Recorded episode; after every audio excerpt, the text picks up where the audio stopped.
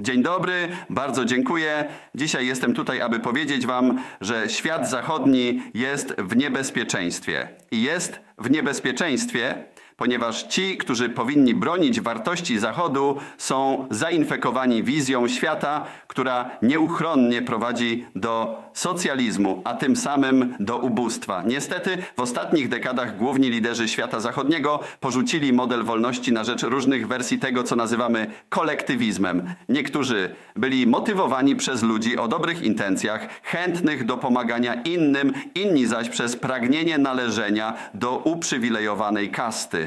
Jesteśmy tutaj, aby powiedzieć Wam, że eksperymenty kolektywistyczne nigdy nie są rozwiązaniem problemów które dotykają obywateli świata. Wręcz przeciwnie, są one źródłem problemów. Proszę mi uwierzyć. Nikt nie jest w lepszej sytuacji niż my, Argentyńczycy, aby zaświadczyć o tych dwóch kwestiach. 35 lat po przyjęciu modelu wolności z powrotem w 1860 roku staliśmy się wiodącą światową potęgą. A kiedy przyjęliśmy kolektywizm w ciągu ostatnich 100 lat, widzieliśmy jak nasi obywatele zaczęli systematycznie zubożeć, a my spadliśmy na 140 miejsce na świecie. Ale zanim przejdziemy do dyskusji, najpierw ważne jest, abyśmy przyjrzeli się danym, które pokazują, dlaczego kapitalizm e, wolnorynkowy nie jest jedynym możliwym systemem do zakończenia światowego ubóstwa, ale także jedynym moralnie pożądanym systemem, aby to osiągnąć. Jeśli przyjrzymy się historii postępu ekonomicznego, zobaczymy, jak między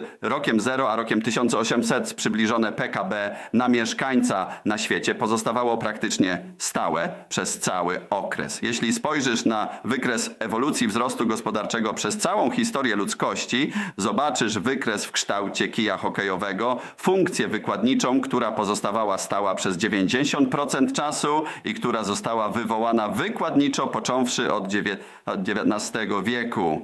Jedynym wyjątkiem od tej historii stagnacji był koniec XV wieku z odkryciem kontynentu amerykańskiego, ale z wyjątkiem tego wyjątku przez cały cały okres między rokiem 0 a rokiem 1800 globalne PKB na mieszkańca stagnowało. Teraz nie tylko to, że kapitalizm spowodował eksplozję bogactwa od momentu jego przyjęcia jako systemu gospodarczego, ale także, jeśli spojrzysz na dane, zobaczysz, że wzrost nadal przyspiesza przez cały okres, a przez cały okres między rokiem 0 a rokiem 1800 stopa wzrostu PKB na mieszkańca pozostawała stabilna na poziomie około 0,02% rocznie więc prawie żaden wzrost.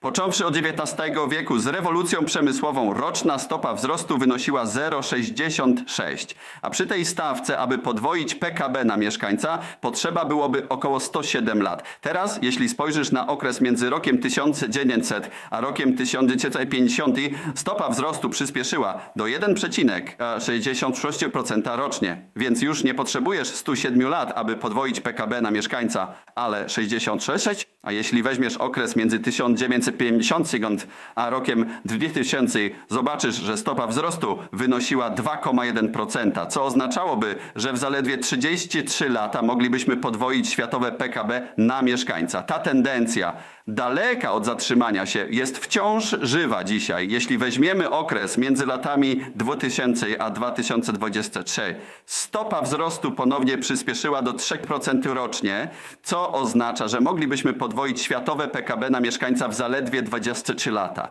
Mówiąc to, kiedy spojrzysz na PKB na mieszkańca od roku 1800 do dziś, zobaczysz, że po rewolucji przemysłowej globalne PKB na mieszkańca wzrosło ponad 15 razy, co oznaczało boom wzrostu, który wyciągnął 90% światowej populacji z ubóstwa. Należy pamiętać, że do roku 1800 około 95% światowej populacji żyło w skrajnym ubóstwie, a ta liczba spadła do 5% do roku 2020 przed pandemią. Wniosek jest oczywisty.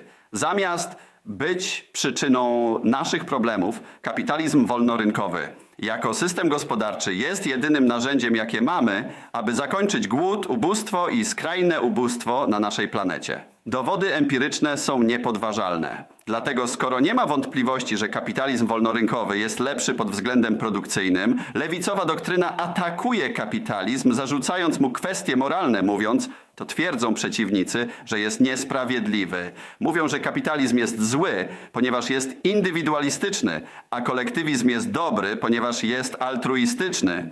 Oczywiście e, z cudzymi pieniędzmi. Dlatego też opowiadają się e, za sprawiedliwością społeczną.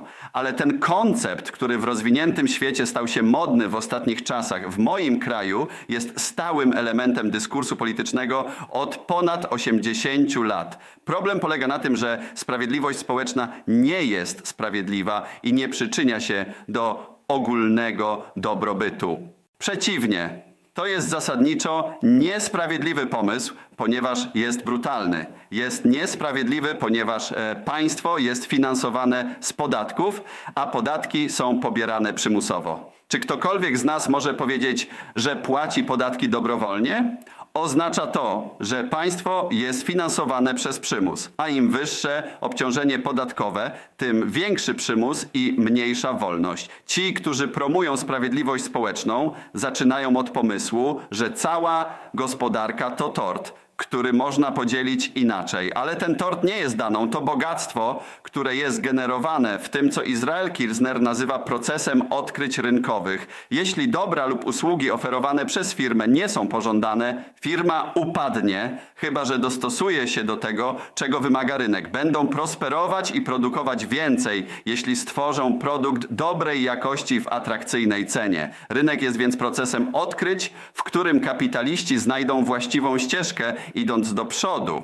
Ale jeśli państwo karze kapitalistów, gdy odnoszą sukces i przeszkadza w procesie odkryć, zniszczy ich motywację, a konsekwencją będzie mniejsza produkcja, tort będzie mniejszy, a to zaszkodzi społeczeństwu jako całości.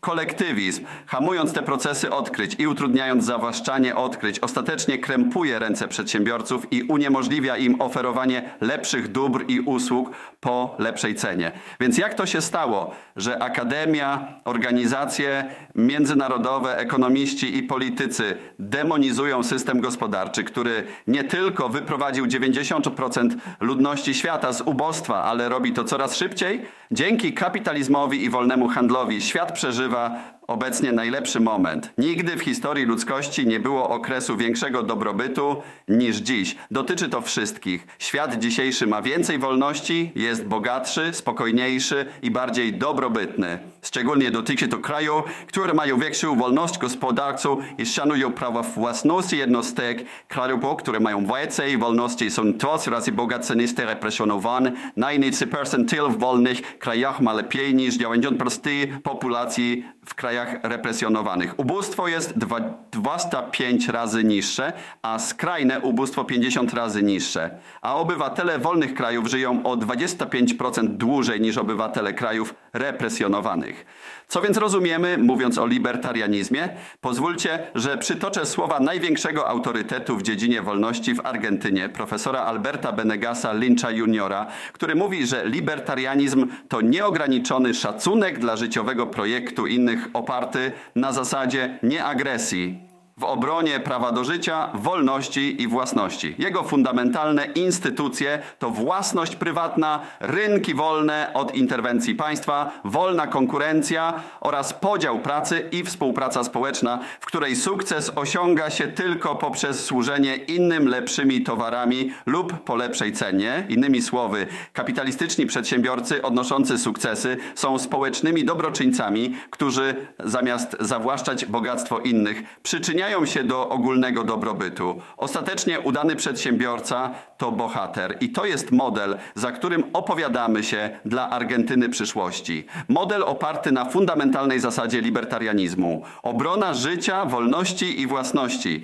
Teraz, jeśli wolna przedsiębiorczość, kapitalizm i wolność gospodarcza okazały się niezwykłymi narzędziami do zakończenia ubóstwa na świecie, a my teraz przeżywamy najlepszy okres w historii ludzkości Warto zapytać, dlaczego mówię, że Zachód jest w niebezpieczeństwie. Mówię to właśnie dlatego, że w krajach, które powinny bronić wartości wolnego rynku, własności prywatnej i innych instytucji libertarianizmu, sektory politycznego i ekonomicznego establishmentu podważają fundamenty libertarianizmu, otwierając drzwi socjalizmowi i potencjalnie skazując nas na ubóstwo, nędzę i stagnację.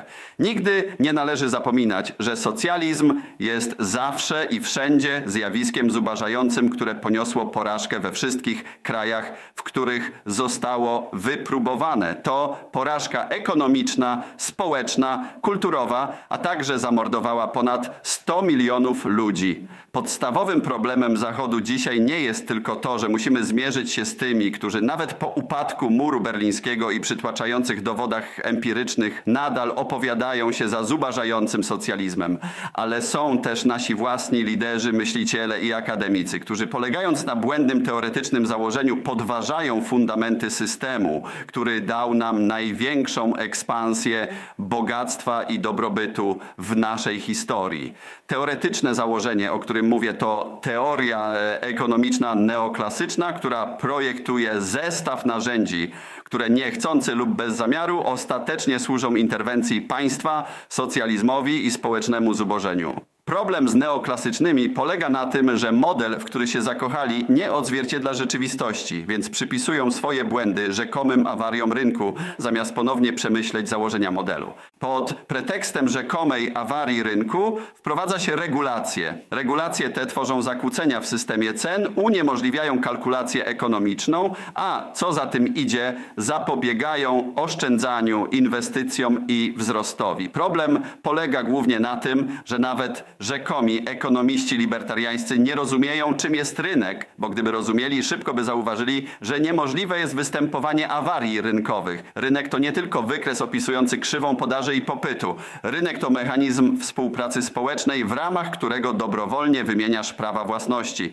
Dlatego opierając się na tej definicji, mówienie o awarii rynku jest oksymoronem. Nie ma awarii rynkowych. Jeśli transakcje są dobrowolne, jedynym kontekstem w którym może dojść do awarii rynku, jest przymus, a jedynym, który zwykle może przymuszać, jest państwo posiadające monopol na przemoc. W konsekwencji, jeśli ktoś uważa, że doszło do awarii rynku, sugerowałbym sprawdzenie, czy nie ma zaangażowania interwencji państwowej, a jeśli okaże się, że to nie jest przyczyną, sugerowałbym ponowne sprawdzenie, bo oczywiście jest błąd. Awarii rynkowych nie istnieje.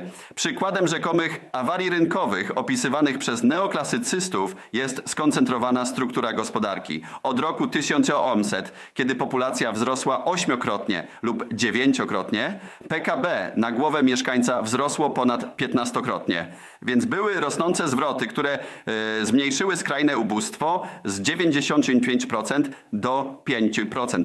Jednak obecność rosnących zwrotów wiąże się ze skoncentrowanymi strukturami, co nazywalibyśmy monopolem. Jak więc coś, co wygenerowało tyle dobrobytu dla teorii neoklasycznej, jest awarią rynku. Ekonomiści neoklasyczni myślą nieszablonowo. Tak, no? Gdy model zawodzi, nie powinniśmy się złościć na rzeczywistość, ale raczej na model i go zmienić. Dylematem modelu neoklasycznego jest to, że mówią, iż chcą doskonalić funkcjonowanie rynku, atakując to, co uważają za awarię, ale w ten sposób nie tylko otwierają drzwi do socjalizmu, ale również działają przeciwko wzrostowi gospodarczemu. Na przykład regulowanie monopoli, niszczenie ich zysków i niszczenie rosnących zwrotów automatycznie zniszczyłoby wzrost gospodarczy.